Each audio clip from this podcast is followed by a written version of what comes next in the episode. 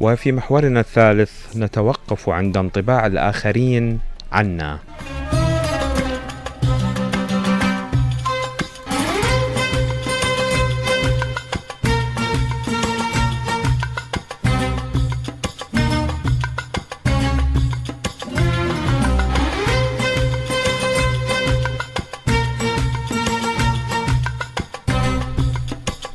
ينتاب الكثير من الناس آه، قلق عند حديثهم مع الآخرين خصوصا إذا كانت هنالك مناسبة يلتقون حولها وفيها هذا القلق ناجم من التفكير في ما تحدثنا به مع الآخرين هل كان مناسبا؟ هل كنت متناسبا في الحديث؟ آه، ماذا أخذوا عني انطباعا؟ بل إن بعض الناس يسأل بعد اللقاءات. ماذا قال عني فلان؟ وما هو انطباعه عني؟ وهل كنت قد أسأت في حديثي أو أسأت التصرف؟ أو شيء من هذا القبيل. دائما ما يحاسب الكثير من الأفراد أنفسهم عند لقاء مهم هام أو عند لقاءات منفردة مع آخرين.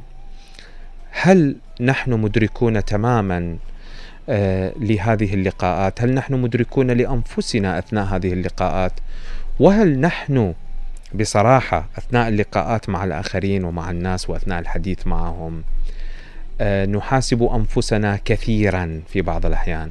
لكن الدراسات النفسية تثبت بأن هذا الحساب الكثير للنفس أثناء الحديث مع الآخرين حول انطباعهم عنا وعن تصرفنا هو شيء مبالغ به كثيرا. فالآخرين لا يتوقفون كثيرا عند تفاصيل الكلام التي نهتم بها نحن. يعني أثناء ما إحنا نتحدث مع شخص نحن ننتبه لما نتحدث له بالنتيجة بعدين نحاسب أنفسنا من الممكن ولكن الشخص المقابل لا يتوقف كثيرا عند هذه النقاط التي أنت أثرتها مع نفسك لنستمع أكثر حول هذا الموضوع بصوت عبد الخالق كريم هل تحدثت كثيرا؟ لم يكن ينبغي أن أحكي هذا الموقف هل بدت تعليقاتي سخيفة؟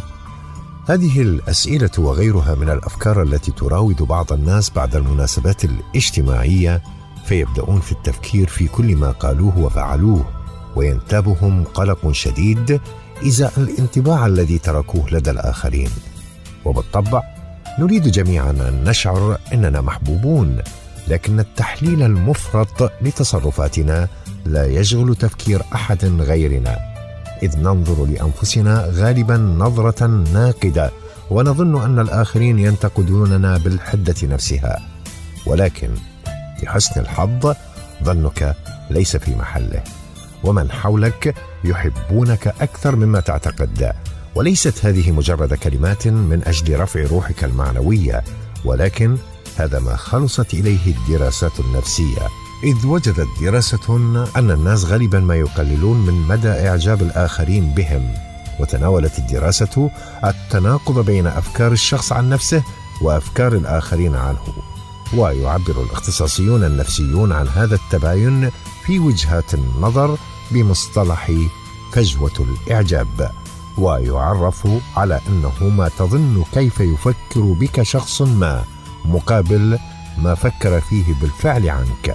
ويبدو إن الباحثين يمرون أيضا بتجارب نفسية مشابهة مما دفعهم لإجراء الدراسة فعبر أحدهم عن نفسه قائلا لدي دائما هذا الشك الذي يتسلل إلي بأن شريكي في المحادثة لا يحبني بقدر ما أحببته. ولا يستمتع بمشاركة الحديث معي بقدر ما استمتعت أنا بصحبته. وأجرى الباحثون سلسلة من التجارب حيث يلتقي شخصان ويتحدثان لأول مرة ثم يقيم كل طرف تفاعله في أثناء المحادثة وتفاعل الطرف الآخر معه.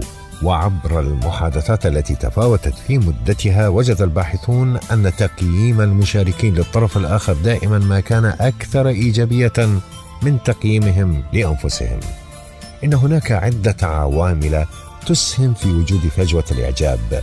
منها تركيز الأشخاص الشديد على أنفسهم خلال المحادثات وافتراضهم أن أفكارهم عن أنفسهم هي ما يعتقده الآخرون عنهم.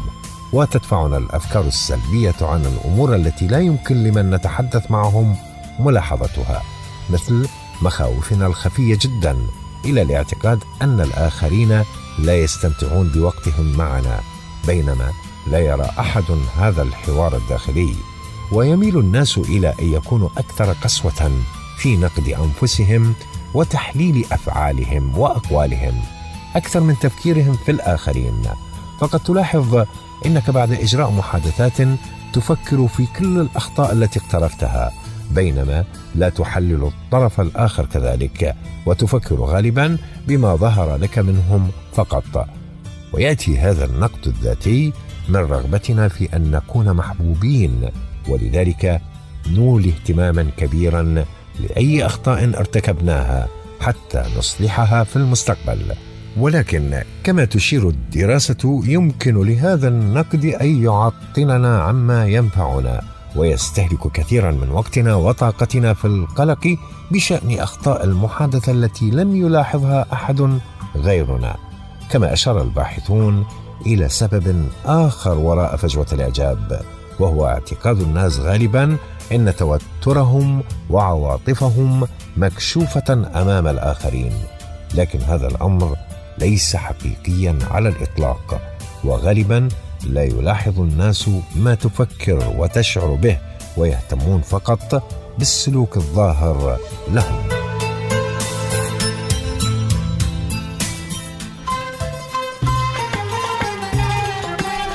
يعني مجرد أن الإنسان يهذب من سلوكه أمام الآخرين سيأخذ الناس عنه آه، صورة جميلة حتى آه، خالفت هذه الصورة ما بدواخله.